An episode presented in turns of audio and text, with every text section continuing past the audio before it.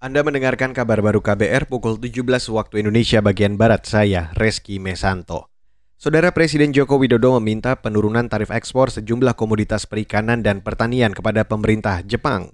Permintaan itu ia sampaikan saat bertemu Perdana Menteri Jepang Fumio Kishida di Tokyo hari ini. Dan secara khusus, saya meminta agar Jepang dapat memberikan dukungan penurunan tarif untuk beberapa produk antara lain tuna, pisang, nanas, dan akses pasar untuk produk-produk mangga. Presiden Jokowi menambahkan Indonesia-Jepang akan menandatangani protokol perubahan Indonesia-Japan Economic Partnership Agreement atau IGEPA pada KTT G20 di Bali November mendatang.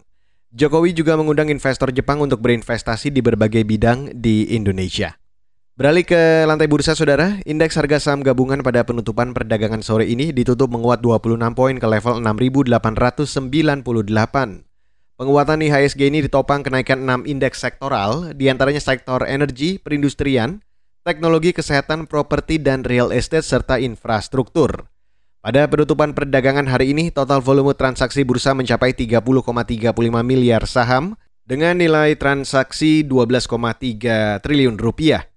Sebanyak 258 saham turun harga, 254 saham menguat, dan 171 saham flat. Sementara nilai tukar rupiah melemah terhadap dolar, rupiah ditutup melemah 11 poin ke level 15.010 per 1 dolar Amerika.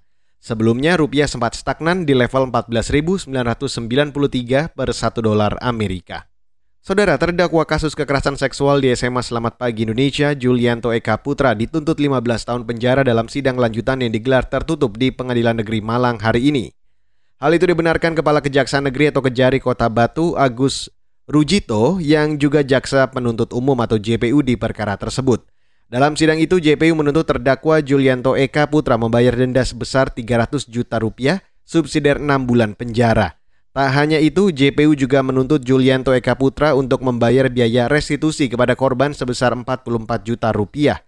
Julianto Eka Putra saat ini ditahan di lapas Lowok Waru Malang setelah proses persidangan terjadi 19 kali.